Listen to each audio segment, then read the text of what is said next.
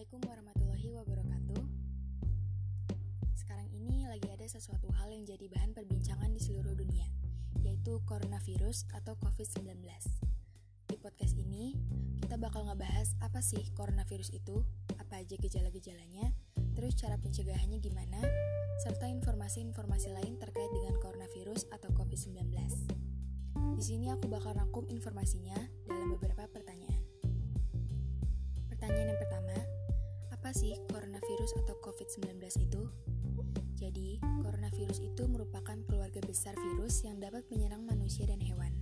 Pada manusia, biasanya menyebabkan penyakit infeksi saluran pernafasan, mulai dari flu biasa hingga penyakit serius seperti MERS dan SARS. COVID-19 ini sendiri